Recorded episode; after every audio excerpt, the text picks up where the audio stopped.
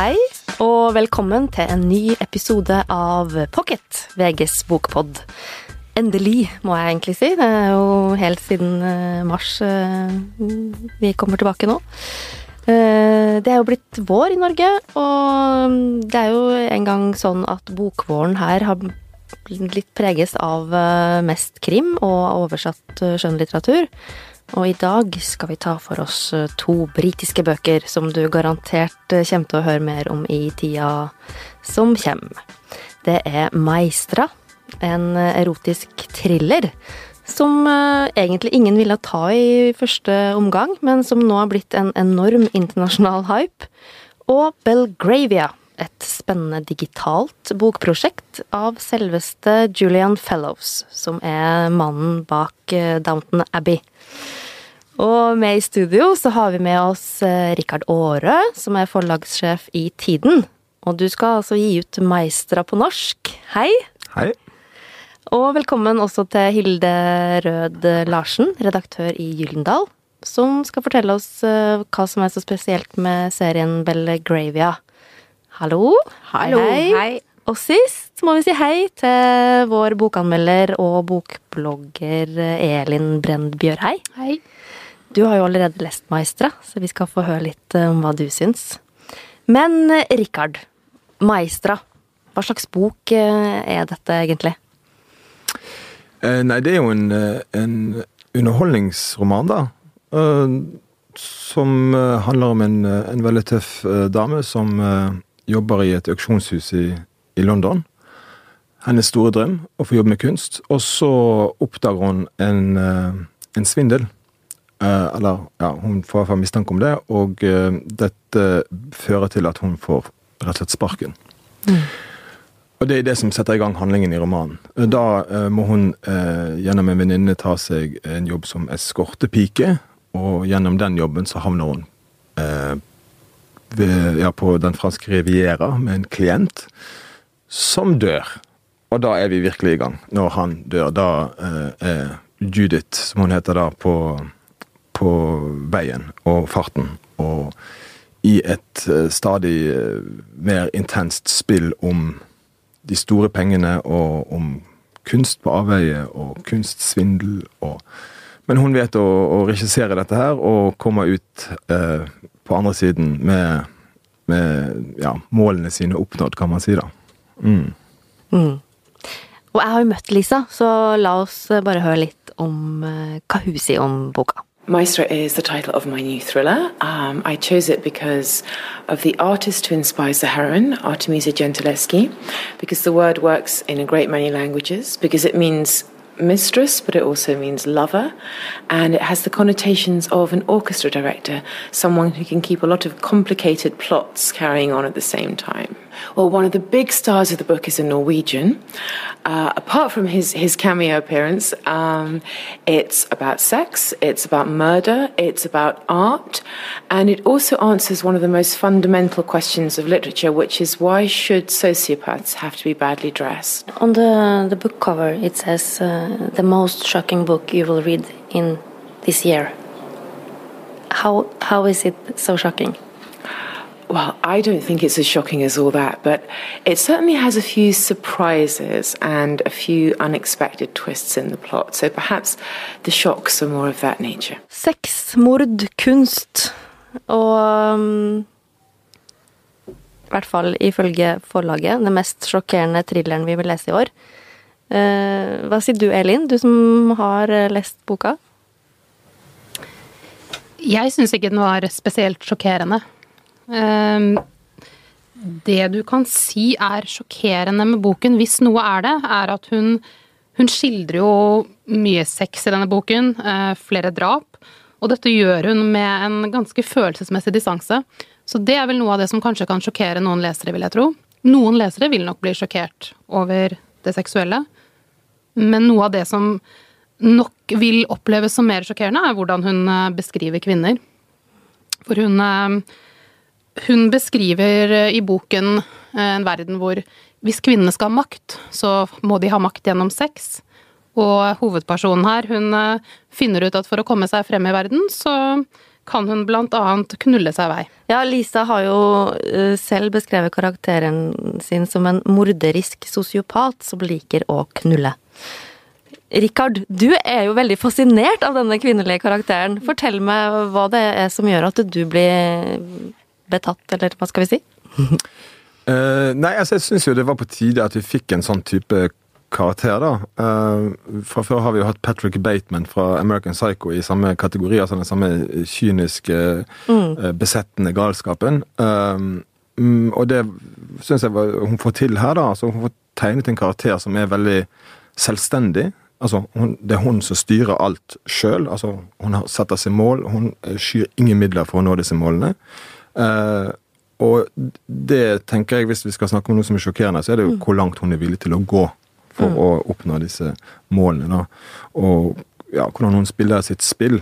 Uh, og det, jeg syns, syns, Lisa Hilton får til den karakteren ganske godt. Mm. Uh, hun heter vi kan nevne Judith. Judith. Og etternavnet er litt vanskelig, kanskje? Judith. Uh, Ransley. Ransley. Ransley. Ja.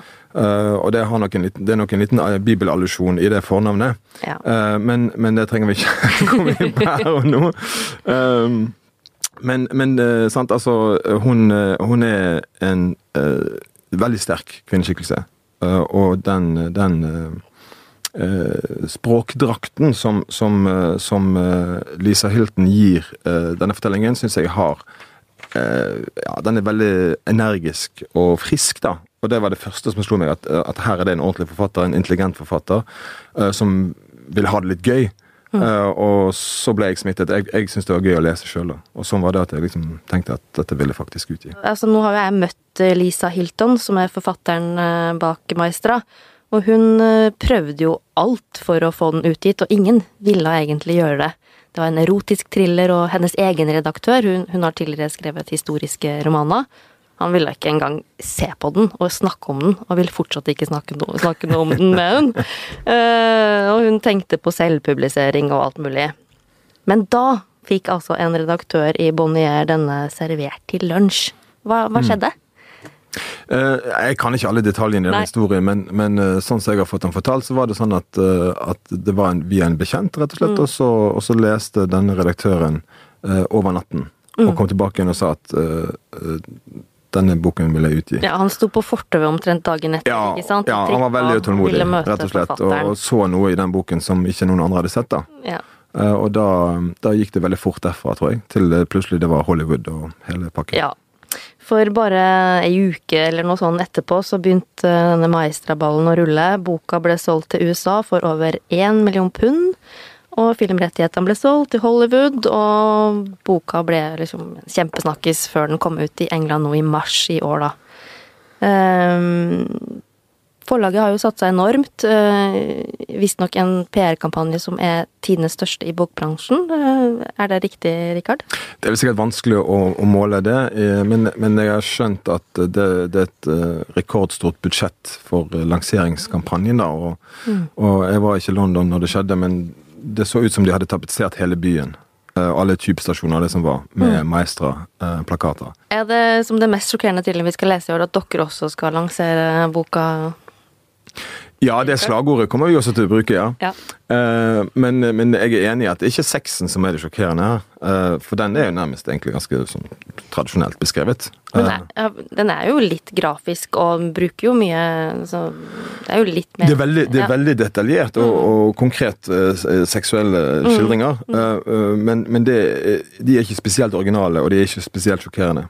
Uh, så det er egentlig bare for å tegne en karakter som er opptatt Altså hun, er, mm. hun har sine besettelser. Hun er opptatt av, av uh, mat, av mm. klær. Mm. Altså uh, Kunst. ja, og, og, det er liksom det som redder det litt. Da, ja, det altså, redder det litt ja. Hun er sant, overfladisk, da. Hun er, mm. sant, altså, går etter det overfladiske. Men, men det lykkejaget da, som man kan si dette representerer, har jo også en annen bunn i Judith, nemlig det at hun har blikket for kunst. Mm. Og der, der uh, ligger dybden i karakteren. da. Mm. Altså at det, det, hun har uh, setter seg ekstreme mål når det gjelder og penger og, og rydde folk unna for å nå disse målene, mens den egentlige innsikten ligger da i, i kunsten. ikke sant? Ja, og det likte du også litt med boka, Elin.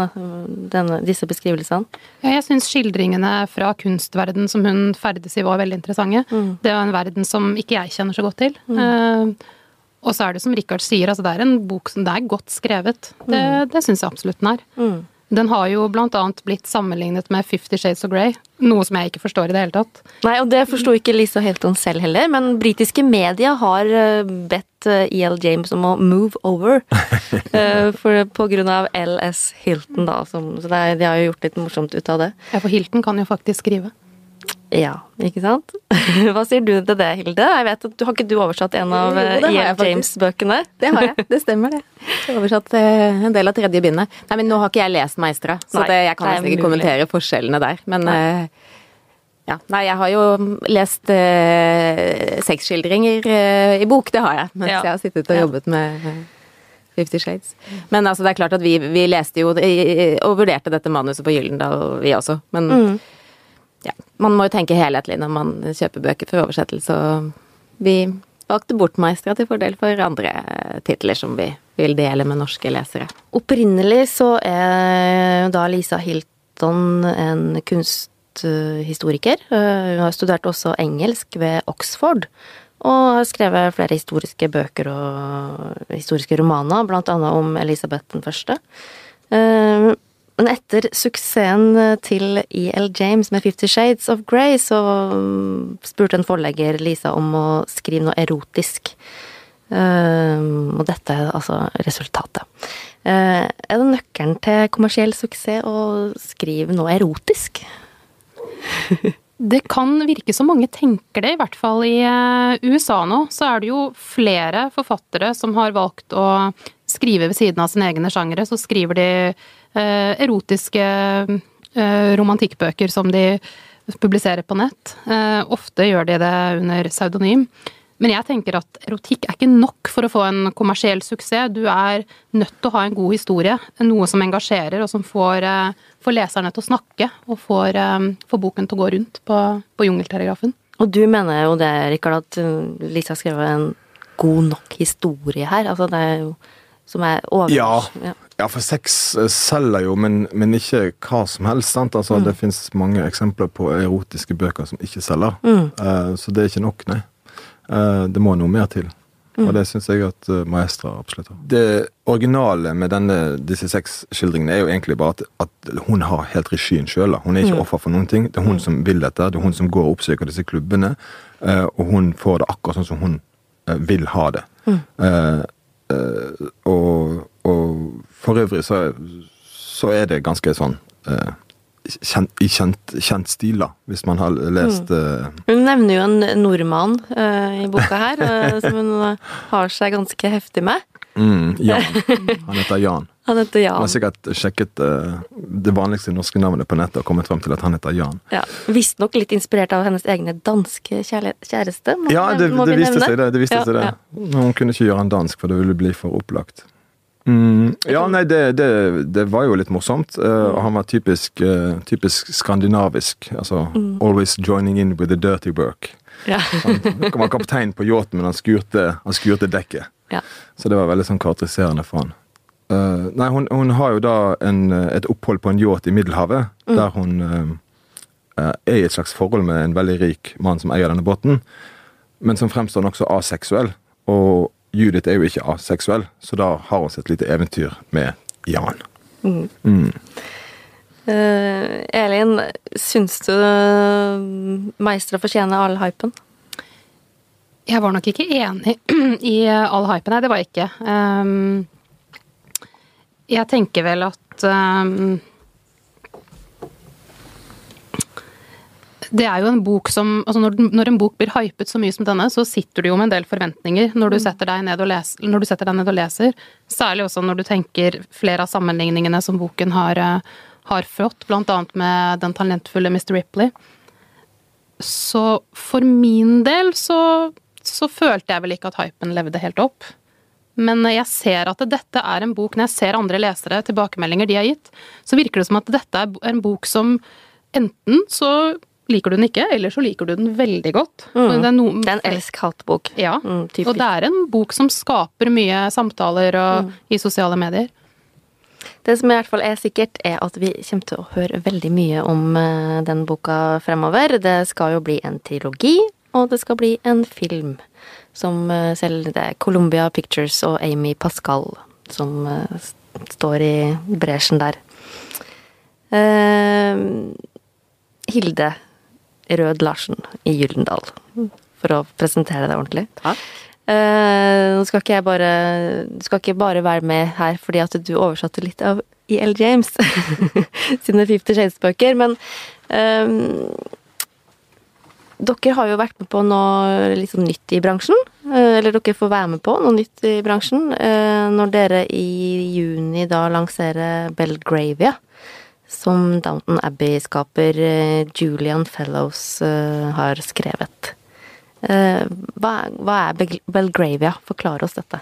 Ja, det forklarer jeg med glede. For det må jeg si at åh, dette er et ordentlig morsomt bokprosjekt å jobbe med for en redaktør og for hele forlaget, vil jeg si. For dette er noe vi er veldig engasjert i alle sammen. Og så først og fremst så er jo det fordi at dette er en drivende godt fortalt historie. Det er en roman som er delt inn i eh, elleve kapitler, em, som vi skal eh, lansere kapittelvis som e-bok, og parallelt så skal det gis ut eh, lydbokkapitler fra 5. Mai, fra 5. juni, unnskyld, og så skal vi slippe uke for uke hver søndag fram til lanseringen av hele boka på e-bok og papirbok eh, 12. august. Og som du sier, så er jo dette en bok Altså, det, eh, handlingen utspiller seg i London på 1840-tallet. Det er Julian Fellows som har skrevet Downton Abbey, som har skrevet dette manuset. Eh, og nå har han forflyttet handlingen til byen. Det foregår i London, eh, og vi ligger litt foran i tid på 1840-tallet. Uh, og han er jo en mann som virkelig kan dette håndverket, så han har s- bygget opp disse kapitlene som gode, gammeldagse eh, føljetongepisoder. Sånn at det er ordentlig gode cliffhangere på slutten, som man hele tiden blir drevet videre, da. Det skal være litt sånn inspirert av uh, Charles Dickens og de føljetongene han skrev. Absolutt. Og det som er jo veldig gøy, er at da, da Dickens slapp sine Pickwick Papers på, som føljetong det, Dette var på slutten av 30-tallet. Eh, 1830-tallet i London. Omtrent den tida eh, hvor Belgravia-historien utspiller seg. Så her er det mange paralleller å trekke. Og det må jeg jo si at den gangen, da Dickens slapp sine sine føljetonger, så gikk jo folk helt mann av huset over hele Europa. De sto i kø for å få fatt i disse eh, Mm. Og det her er jo sikkert noe dere bare sier, men på forlaget så går man, er man helt desperat etter å lese mer. Ja, er det jeg sånn føler meg så populær, for nå er det jeg som sitter på disse kapitlene, og det er, det er konfidensielle. Vi har ikke lov til å dele dem med så mange. Eh, Det er veldig klare regler for det er to stykker har dere lest nå, da, eller? som har lest Ja. alt. Mm. Uh, og det, jeg tuller ikke. Jeg får altså SMS-er på privaten med, hvor jeg blir bønnfalt om å sende flere kapitler. Ehm, la oss bare høre, sånn, høre litt hva Julian Fellows, eh, lord Julian Fellows, eh, sier eh, om å være med på dette. Vi møtte han også i London i forrige uke. Well, Belgravia was um, the brainchild of Orion, the publishing house Orion, and they came to me because they wanted to combine the 19th century release that people like Dickens and Thackeray went in for, where for them one chapter a week would be published and people would collect them, you know, uh, and then at the end uh, there'd be a book. And um, they wanted to mix that, but in a in the 21st century way. So it's digitally released. You get it on your iPad, you get it on your iPhone, you get all of this. And it's coupled to an app on the internet where you can visit the houses. And I felt there was something kind of witty about combining the 19th and the 21st centuries, and I was very flattered that they'd come to me. It's a period novel, it's a period love story. I mean, it's quite light-hearted, you know. Um, it's not a great tome, but uh, it just seemed like a fun thing to do, and so I was glad to write it. It's it's sent. It starts actually in 1815 at the famous Duchess of Richmond's ball on the eve of Waterloo. Uh, and as I'm sure you know, uh, Napoleon's arrival uh, on the sort of edge of Brussels was announced at the ball, and Wellington had to take the army out to meet him. And uh, they met at Quatre Bras, and then two days later they fought Waterloo, and that was the end of Napoleon. But um, people literally left the ballroom floor to go into battle, and some of the young men who were killed were still wearing their dress uniforms they put on for the party. So it's kind of tragic moment. Um, and uh, we start there, and then we go 25 years forward to uh, 1841, 26 years forward to 1841. And um, that was the time when this extraordinary new development of Belgravia uh, was still happening, but, but had largely been built. It was built in the 1820s and 30s for the most part, and it was built to be fashionable, built to be the most fashionable area in London, because uh, it was right next to Mayfair, which had been the sort of centre of fashion until then. And it was entirely successful. Those, that, those kind of um, uh, developments aren't always successful. Sometimes the public doesn't quite take to them or whatever. But in this instance, they took to it. And really, within 10 years of its completion, it was the most fashionable place in London to live. And I love that. I, there seems something exciting about that. And here you decided to put uh, two families. Um... And the two families uh, come in. We have one old, established aristocratic family and one family of essentially arrivistes, new money. He's come all the way. James Trenchard started out as the son of a market trader, and he's gone up with Cubitt, who was, as I've said, a carpenter. And, the, and they worked together. I mean, in real life, of course, they didn't, but I mean, Trenchard didn't exist. But in this, he works with Cubitt and he becomes a millionaire and very successful and so on. And he has his own battles to get into society, and that is all played out with Belgravia as, as a kind of background. It was a big change from Downton, and uh, and I've been doing things. You know, I've got a rock musical in New York, and various other things that are quite a distance from Downton. Um, but I mean, I was very flattered, you know, to be honest, uh, to be asked to be part of it, and I've sort of, you know, have my input in the, everything on the app itself and all the information we give and all this stuff. Uh, and it's been very rewarding, really, to feel one's fashioning a new kind of reading entertainment. Um, I don't know. People say this is the start of a new trend. I, I, don't know if it's the start of a new trend or if it's a one-off, or, or maybe indicative of the fact that this serial narrative appeals to this generation. I mean, at the moment, I don't know about Norway, but in England and America, serial television seems to have overtaken films in terms of conversation and interest and being um, in the sort of national thingamy. Um, and, you know, we're following that in a sense. We're following that serial mentality. Uh, so, so, you know, I hope they enjoy it. For alle her hjemme i Norge med Downton Abbey-abstinenser, så virker det litt som en sånn gavepakke. Eh, vi skal inn i samme herskapsverdenen, eller ikke helt samme, men vi skal inn i den, den herskapsverdenen da, som Fellows har på en måte åpna opp uh, så mange seere for. Uh, men altså lenger tilbake i tid. Si litt mer om ja, han. Nå har jo Fellows har helt klart valgt sin tidsepoke med omhu. Mm. Nå er det sånn at første kapittel starter på et storslagent ball Mm. I, eh, et av historiens mest kjente ball. Et av historiens mest kjente ball, som blir holdt i Brussel kvelden før slaget ved Waterloo, og her eh, samles hele eliten.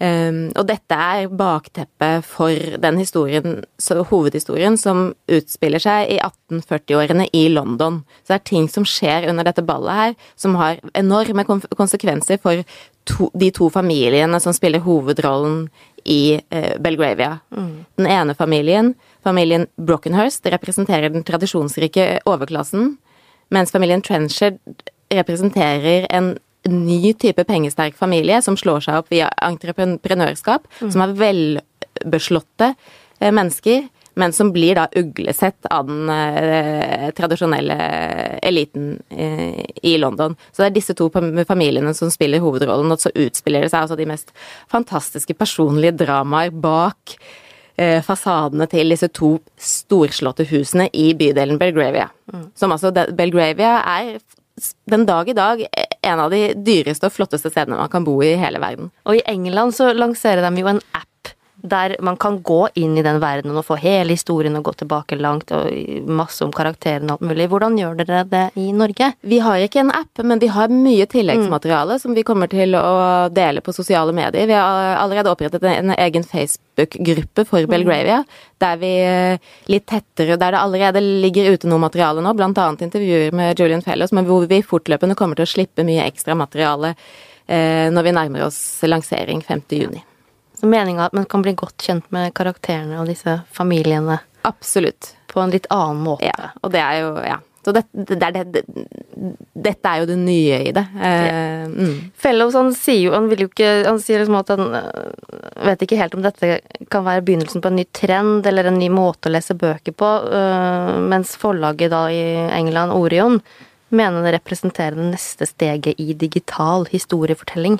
Eh, hva tenker du om det, Elin? Jeg tror dette er, eh, dette er noe som virkelig kan, kan slå an hvis man ser, an, ser, på den tiden vi er i nå, hvilke lesevaner vi har, eh, hvilke tekniske ting vi bruker, og også dette med at folk leser innimellom. Eh, innimellom gjøremål, og nå når det da i tillegg kommer om sommeren, når vi har god tid. Ja, Man tenker jo litt på, på TV-serien når man hører om dette òg, at TV-serien har blitt såpass stor i, blant folk. altså Det tar over kanskje litt for bok for noen. Så tenker man kanskje at dette kan konkurrere med det.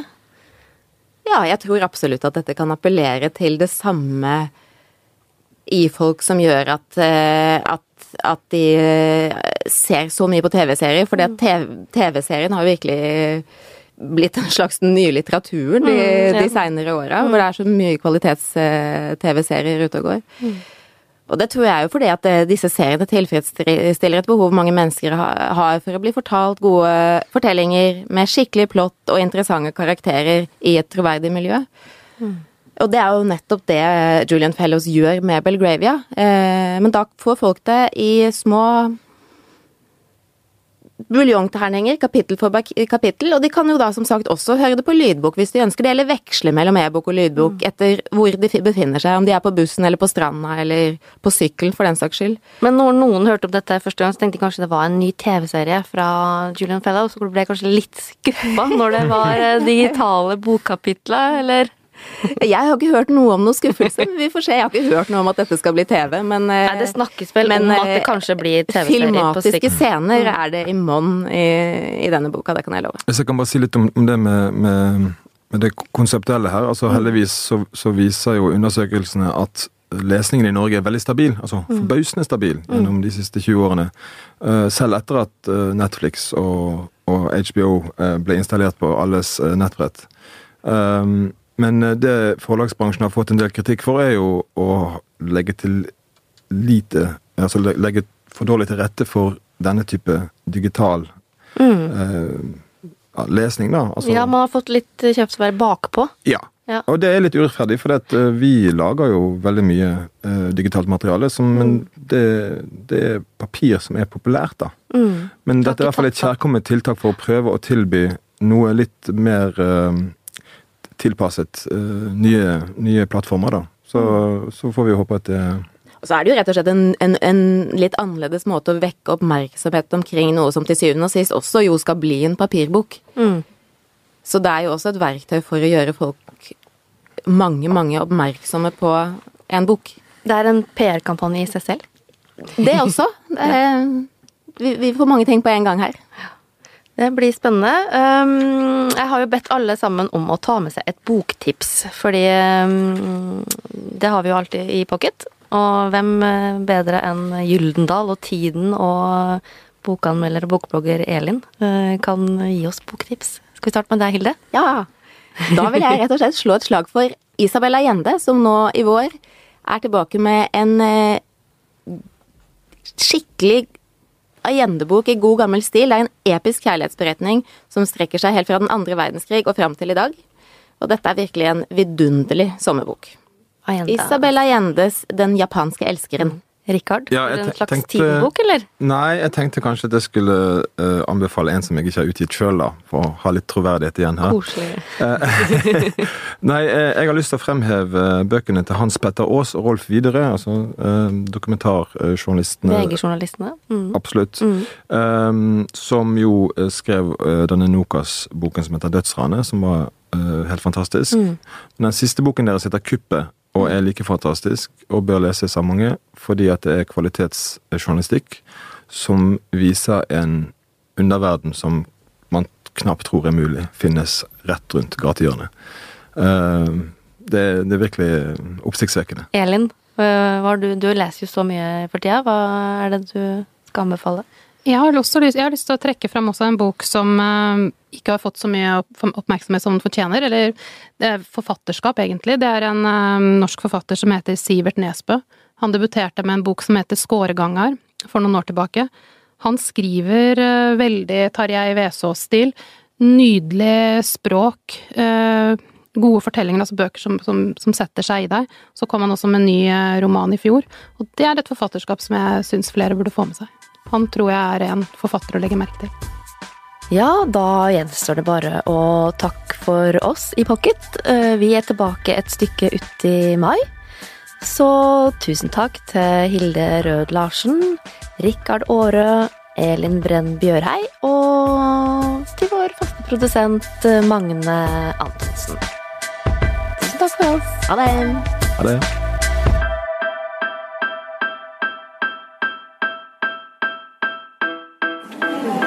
going to have my coffee now. Yes.